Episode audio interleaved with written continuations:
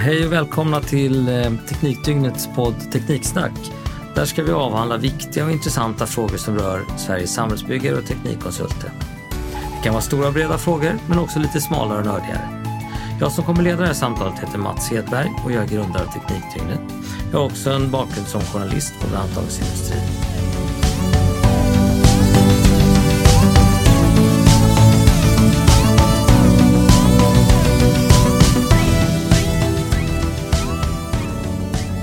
I det här premiäravsnittet så har vi två väldigt spännande gäster. Vi har Niklas Sörensen som är VD för Ramboll i Sverige och sen har vi Jonas Gustafsson, koncernchef för ÅF. Välkomna!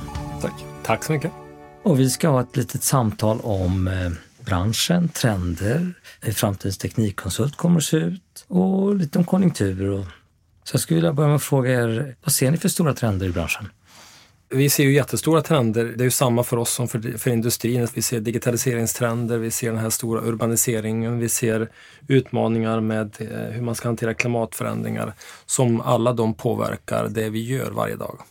Och du Jonas kommer ju från industrin. Vad har du tagit med dig därifrån? Ja, det är nog en egen podd allt jag tagit med mig det. För det är sant att jag har jobbat 20 år inom industrin. Men jag kan nog säga, eh, vi kanske återkommer till, jag ser mer likheter faktiskt än jag ser olikheter mellan industribolagen och det man kallar traditionella konsultbolag.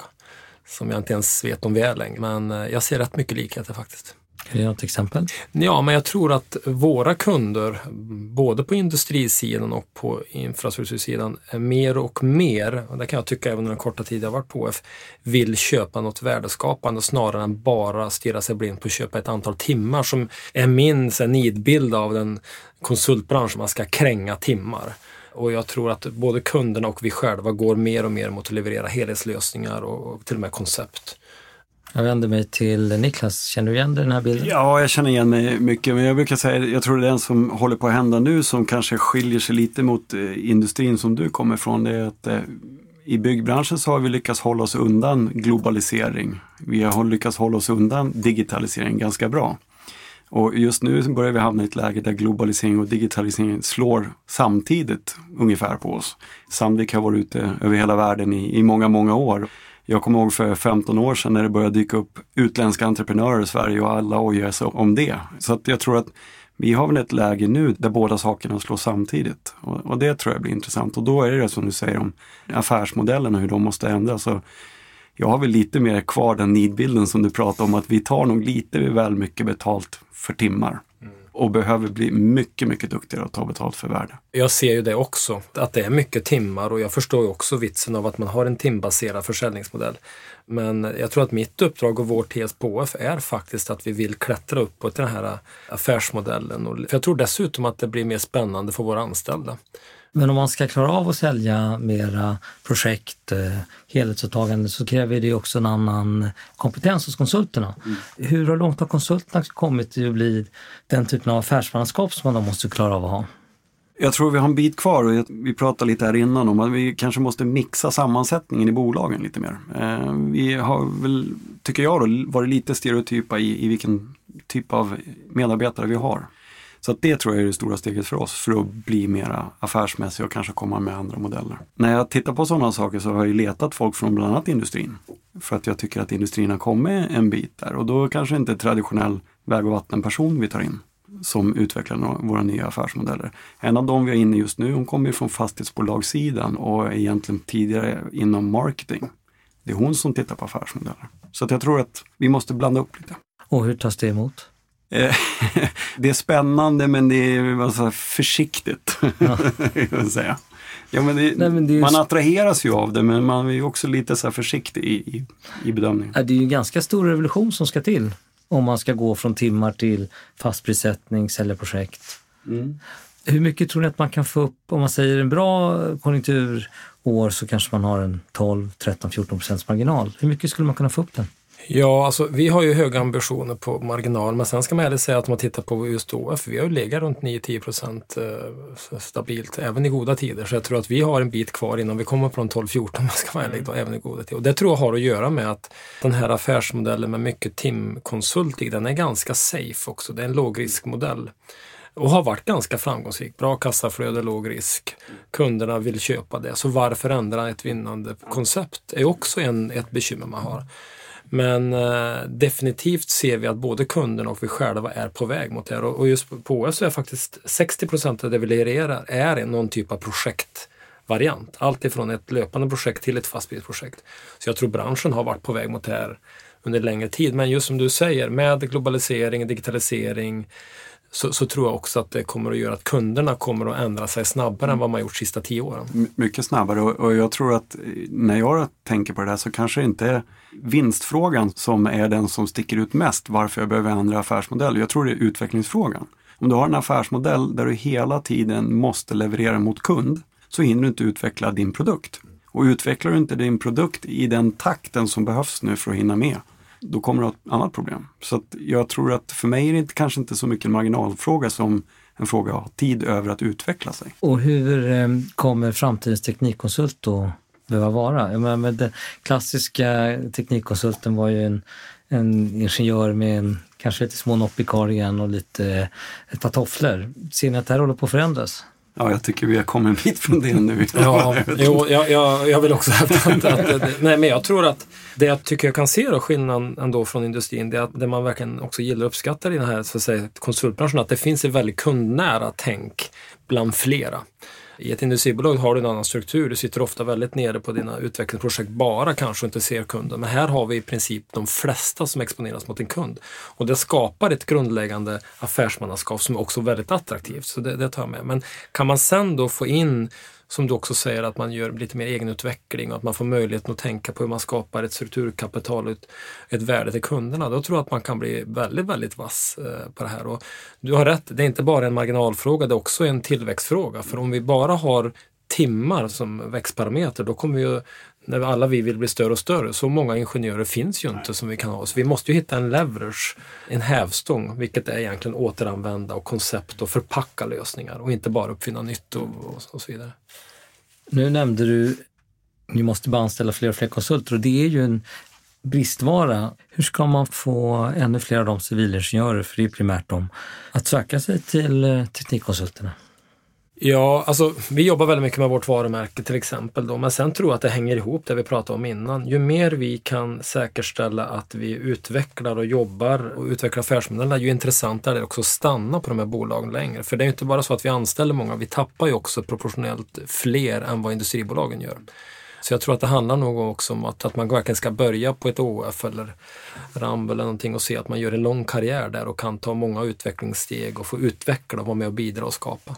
Jag tror att det, det vi har funderat på, det är just det visionsdrivna bolag. Det tror jag är någonting som attraherar och där behöver vi leta mycket mer. Vad är vår vision? Vad vill vi uppnå? Det är så vi attraherar medarbetare. Det är ju väldigt eh, skrik på resursbrist men jag tror också att det är en fråga om hur gör du? Om du gör på exakt samma sätt som du alltid har gjort så kanske det blir resursbrist. Men om man tittar nu med digitala lösningar, automatiserande lösningar så det är ganska lätt att egentligen ta bort en del av resursbristen. Om du sen dessutom förstår att du jobbar i ett globalt bolag så du kan ta hjälp av dina kollegor i andra länder. Så jag är lite så här um, tveksam till den här resursbristfrågan. Hur, hur stor är resursbristen egentligen? Om du skulle försöka utveckla det lite mer praktiskt hands-on, hur ska den teknikkonsulten, samhällsbyggaren jobba i vardagen för att kunna få den här utväxlingen? Vi växer organiskt kanske 7, 8, 10 procent per år ungefär just nu. Om jag skulle automatisera, vilket inte är helt omöjligt, 5% av det jag gör och så behåller jag den här tillväxttakten, då behöver jag egentligen bara anställa 2% till. Och om jag dessutom då utvecklar mitt samarbete med Indien som jag håller på med, så behöver jag ännu mindre. Så att jag, jag tror att vi kommer in lite fel i den där frågan. Jag skulle vilja börja, vad är det vi vill uppnå? Vilka frågor ska vi lösa? Och hur gör vi då för att göra det på effektivaste sätt? Och då är inte jag riktigt säker på, om du tar den resan, att det verkligen är resursbrist kompetensbrist kanske. Och så nämnde du Indien. Den vägen har ju många IT-konsulter försökt gå, eh, att plocka in kompetens. Kan du berätta hur du ser det?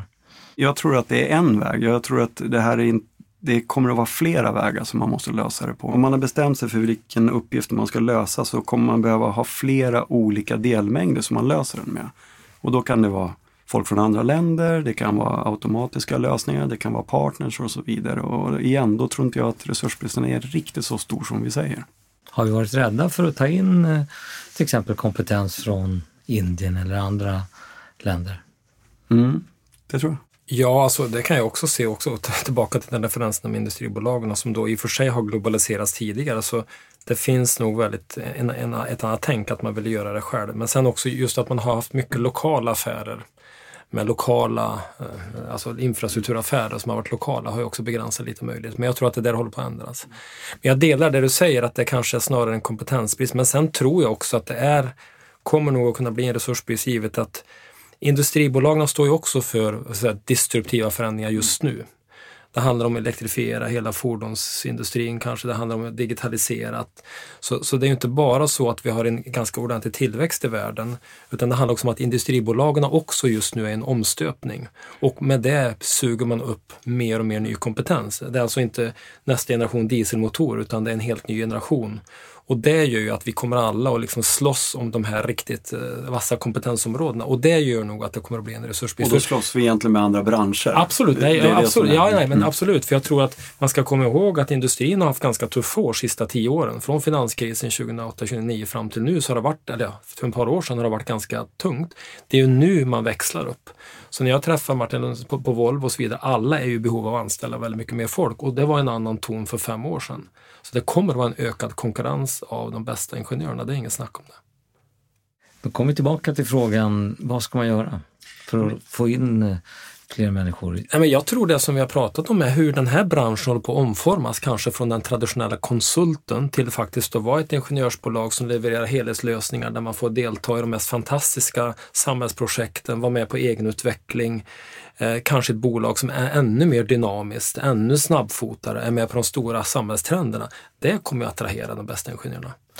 Vi pratar ju mest om ingenjörer, kommer vi se andra yrkeskompetenser komma in i de här bolagen?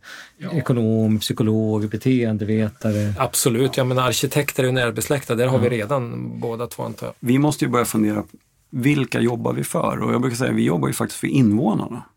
Och ska du förstå det på invånarna så kanske du inte bara kan vara ingenjör utan då kanske du måste ha någon annan bakgrund också med dig. Så att vi tittar mycket på social hållbarhet i, i, i vårt bolag och, och där är det inte ingenjörer utan det är humanister som jobbar på den frågan. Så att jag tror att vi måste blanda upp. Om man tittar på managementkonsulterna har vi börjat köpa in designbyråer, kommunikationsbyråer. Kommer ni att göra det? Absolut och vi har ju köpt på oss ett antal både arkitekt och designbolag sista åren. Och vi tror väldigt mycket på blandad design och den traditionella ingenjörskunnandet. Stor volym kommer fortsatt att vara ingenjörer i, i, botten. Sen kommer vi behöva arkitekter, vi kommer att ha beteendevetare, vi kommer att ha ekonomer, vi kommer att ha alla möjliga kategorier. Men, men, eh, men definitivt så tror vi på design som en, en viktig bit. Vi har till exempel köpt ett bolag som jobbar med service design, user experience, som inte bara handlar om den fysiska designen utan man faktiskt designar en hel koncept eller en lösning. Naturligtvis appar och så vidare. Och Design var väldigt mycket business to consumer när man går tillbaka, men nu ser man att business to business och affärsmodelldesign blir viktigare och viktigare. Om du går in i en traditionell fabrik idag och tittar på hur produktionsstrukturen ser ut idag så är allt designat. För 20 år sedan så var det ju inte det. Om vi lite grann växlar ämne så många av er har ju vuxit genom förvärv. Kommer vi se den eh, trenden fortsätta att de stora köper mindre och medelstora? Ja, vi har inte förvärvat i Sverige särskilt mycket utan vi har växt organiskt. Och, så att jag kanske inte ska, det kanske är Jonas som ska svara på den frågan. Ja, det är väl lite olika vilken position man har och nu, nu om man tittar på OF så är vi väldigt stora i Sverige och har väldigt stora marknadsandelar. Vi kommer att behöva ha förvärv, inte minst för att den här flytten i värdekedjan så vi pratade om det innan också, hur svårt det är att ändra gamla strukturer. Eh, och det jobbar ju vi med, men vi ser också behovet av att köpa in då bolag som sitter på en annan typ av affärsmodell som i sin tur blir draglok in i det nya. Vi blev lite, kanske ännu mer selektiva nu när vi tittar på de bolag vi köper, att de verkligen passar i den förändringsresan vi gör. Det finns en geografisk aspekt för oss när vi växer i länder där vi inte har verksamhet på plats utan det är kanske lokala infra och så vidare. Men det finns också en stor del att vi vill att bolagen ska lyfta upp oss i värdekedjan. Det delar jag och det tror jag nog alla börjar förstå ja. nu att vi, vi, måste köpa någonting som kompletterar det vi har, eller något annat än det vi har och inte bara bygga vidare på det vi har. Det kan man ju se en trend i. Att förvärven kommer kanske ligga lite mer mm. åt det hållet. Ja, för det har ju varit väldigt eh, multipeldrivet om man Ja, säger. ja. Och det är klart att så tror alla S-kurvor i alla branscher ser ut. Att det finns en period, tio år, inte vet jag, när, när branschen konsolideras och det blir mycket multipel. Och så kommer man till en punkt där man måste börja titta på andra värden när man ska köra förvärv. Och jag tror att vi är nog alla bolagen i den. Så jag tror också en sak, det är väl som med Ramboll och med ÅF och med Sweco och alla, att man måste ut på en större marknad. Det har varit ganska lokalt och nordiskt. Men nu tvingas vi alla, tror jag, titta på en mer europeisk och internationell struktur. Och då måste man ju också förvärva sig till viss del. För det är ju så industribolagen också har gjort. Man får ett footprint. Ja. För det där är ju intressant, för det var ju inte så länge sedan som teknikkonsulterna, de svenska i alla fall, var en ganska lokal företeelse. Men idag är det ju, börjar det bli något av en exportvara. Och det är ju lite olika segment där. Vi tror ju fortfarande att liksom just infrastruktur är ju ganska lokalt. Där måste man, som vi upplever det, förvärva sig in i de länder man vill vara. Men tittar man på industrisidan, som, där är det ju exporterbart. Vi har ett exempel som är vår bilsida, eller Automotive, då, där vi köpte ju då Saab Automotives eh, uh, rd enhet nere i Trollhättan som jobbar mot de svenska i Sverige för, förvisso, men också där vi har ett ökat internationellt leverans, inte minst i Kina där vi växer ganska kraftigt och då hjälper kinesiska lokala kunder och uh, bygga elbilar. Så vi designar karosseri och chassi och alltihopa. Så att det finns ju ett antal industrinischer där man faktiskt kan exportera på ett annat sätt. Med ett litet footprint på plats och sen tillverka mycket av lösningarna hemma, då, i det här fallet Trollhättan. Jag håller med dig att man måste liksom förvärva sig in kanske i ett land eh, och, och, få ett footprint. Men sen kan man faktiskt göra ganska mycket backoffice. Så det är lite så här, hur stort behöver det vara i landet för att man sen ska kunna göra det någon annanstans? Ja, men det delar. Vi har ju kanske traditionellt rört oss lite mer mot USA de senaste åren eh, och inte så mycket mot Asien. Nej, just det. Och där skiljer vi nog, för vi har Ja. inte varit i USA. Nej. Men däremot så tittar vi nog mer och mer och djupare och djupare på Kina, inte minst. Det som är charmigt med industrin, det är att det är globala processer, struktur och regler nästan. Medan man uppfattar infradelen som att om du ska leverera någonting till en kanton i Schweiz så är det den schweiziska lokala du ska följa eller till eh, Västmanland läns, eh, vad det nu är för någonting. Men som du levererar till bilindustrin så är det i princip globala regler till, oavsett vad du levererar. Och där skiljer sig ju branscherna väldigt mycket mellan. Det har ju varit några sådana exempel där man har kunnat exportera svensk stadsplanering, svenska städer. Är det någonting vi kommer kunna sälja tror ni? Jag har tjatat om det där lite. Jag tycker att eh, Sverige har fokuserat för mycket på industriexport och inte på tjänsteexport. Där skulle man som politiskt håll faktiskt börja titta på vad skulle vi kunna göra om vi faktiskt exporterar tjänster istället för bara industri om jag får säga så. Det har inte fått det utrymme som, som det bör ha, tjänsteexporten. Det har ju gått att leverera. Eh, Nu tycker jag de har varit lite på konceptstadiet så jag brukar säga, kan ni visa den som är byggd någon gång? Utländska aktörer tycker och är väldigt nyfikna på vad vi gör i Sverige kring klimatfrågor och hållbarhetsfrågor. Varför siktar vi inte på att exportera mer av det? Det, det kan jag. Är Sverige bra på det?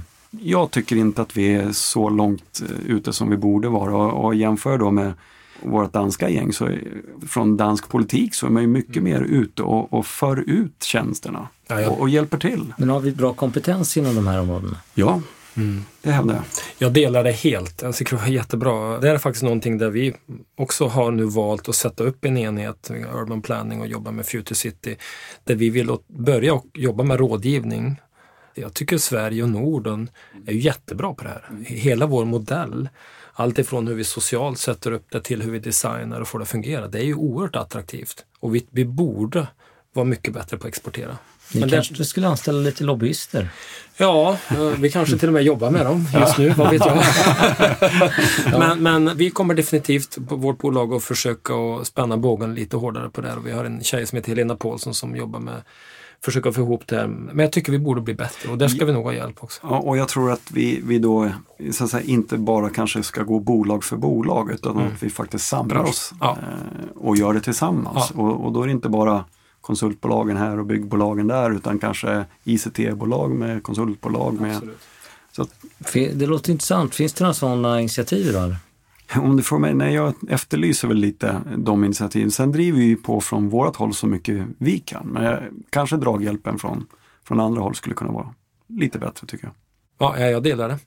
Vilka segment tror ni kommer växa snabbast? Tittar man på oss så vi, vi sätter ju upp oss på de segment vi tror på, men det är ju inget snack att och det är en ny bransch för mig personligen, men om man tittar på infrastruktur med den nordiska basen så ser den ju fortsatt väldigt intressant ut. Det kommer att behöva investeras väldigt mycket. Samtidigt som jag hävdar att de här industrinischerna som, som vi också jobbar med är också oerhört spännande. Vi kan ta Pulp and Paper som jag antar ni också är också. Som man till ja, där är inte vi. Där är inte ni, okej, okay, det var skönt. Nej, men tittar man tio år tillbaka var det en bransch som pekade rakt neråt. Men nu med hela biomassa, omställningen, hållbara lösningar, man gör kläder av, av massa och så vidare, så är det en bransch som pekar rakt uppåt nu. Många industribranscher ser väldigt spännande ut samtidigt som infärbranschen eh, känns... Men, men jag tror det, det finns ju något i, i paraplytänket som, som jag tror är väl ett område som jag tror man kan komma att få mycket jobb i framtiden. Alltså hur håller man ihop energilösningen med vattenlösningen, med trafiklösningen och så vidare.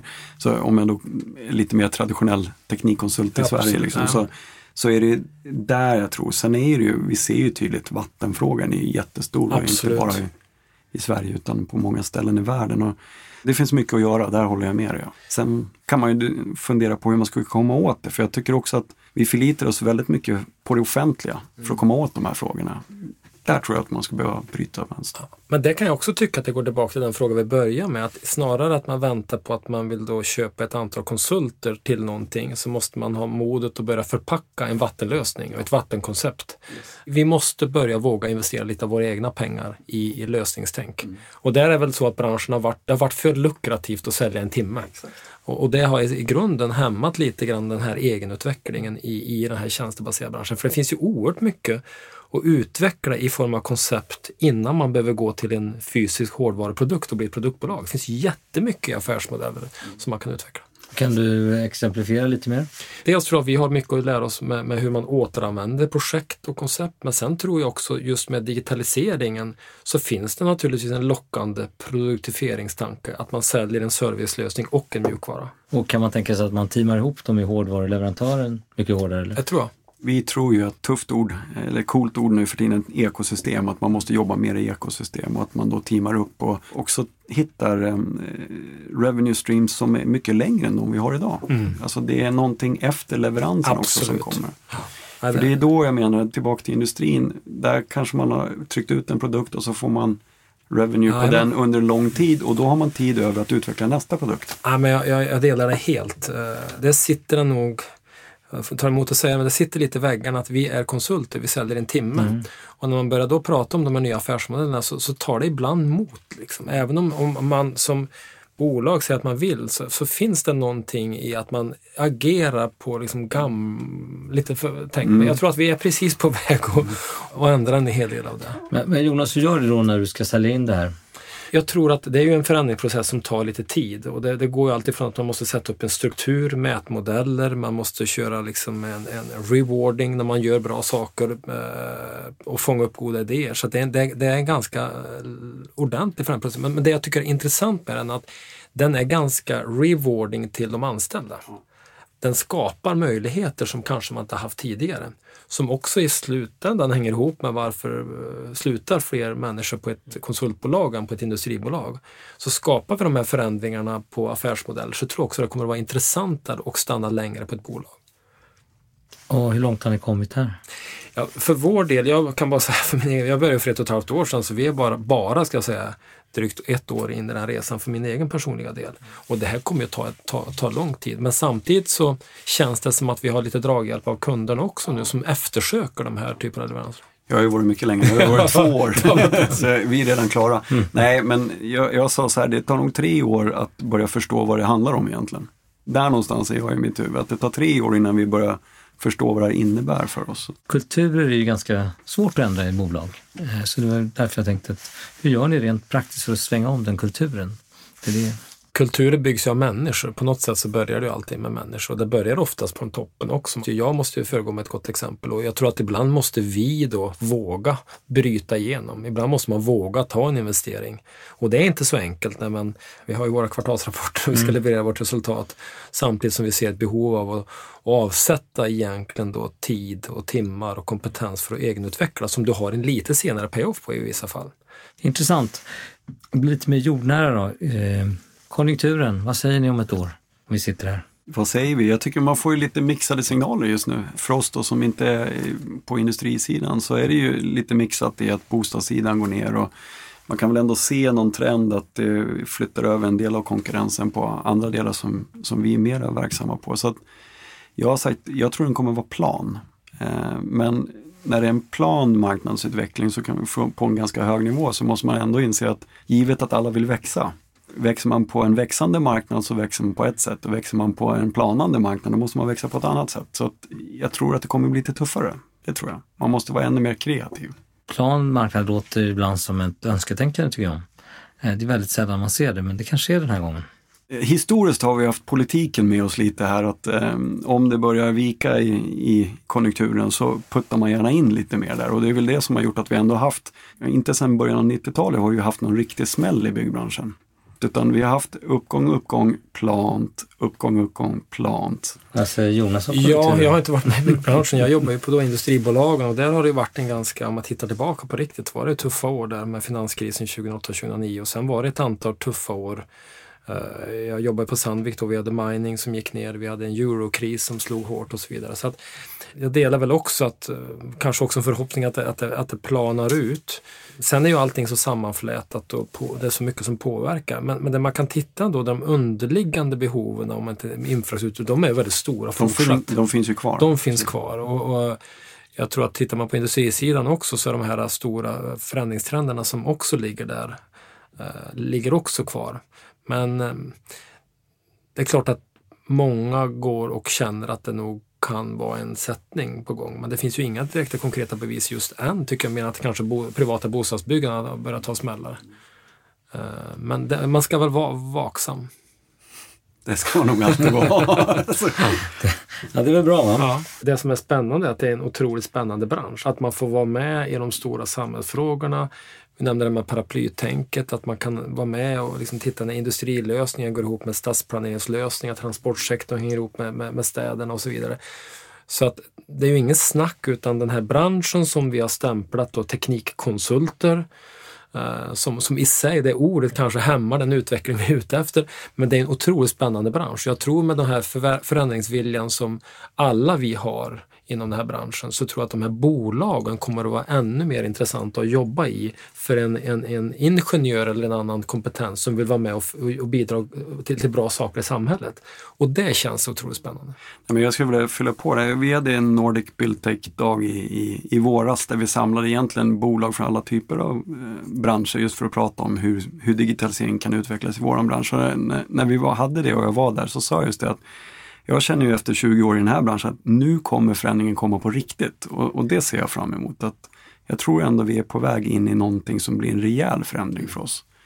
För mig då så tycker jag det känns roligt. Rollen, rollen som vi har kommer behöva gå från mera leverantörsaktig till idédriven. Och det är en väldigt spännande resa att man istället för att fund, liksom veta vad man ska göra på måndag och, och, så gör man det på samma sätt som man gjorde förra måndagen. Så börjar man måndag med vad är det jag ska lösa? Och sen börjar man fundera på hur jag ska lösa det. Så jag tror den svängen är på gång och där är mycket drivet av, av digitaliseringen och även internationaliseringen. Tack för ett jättespännande samtal gentlemen. Tack. Tack själv.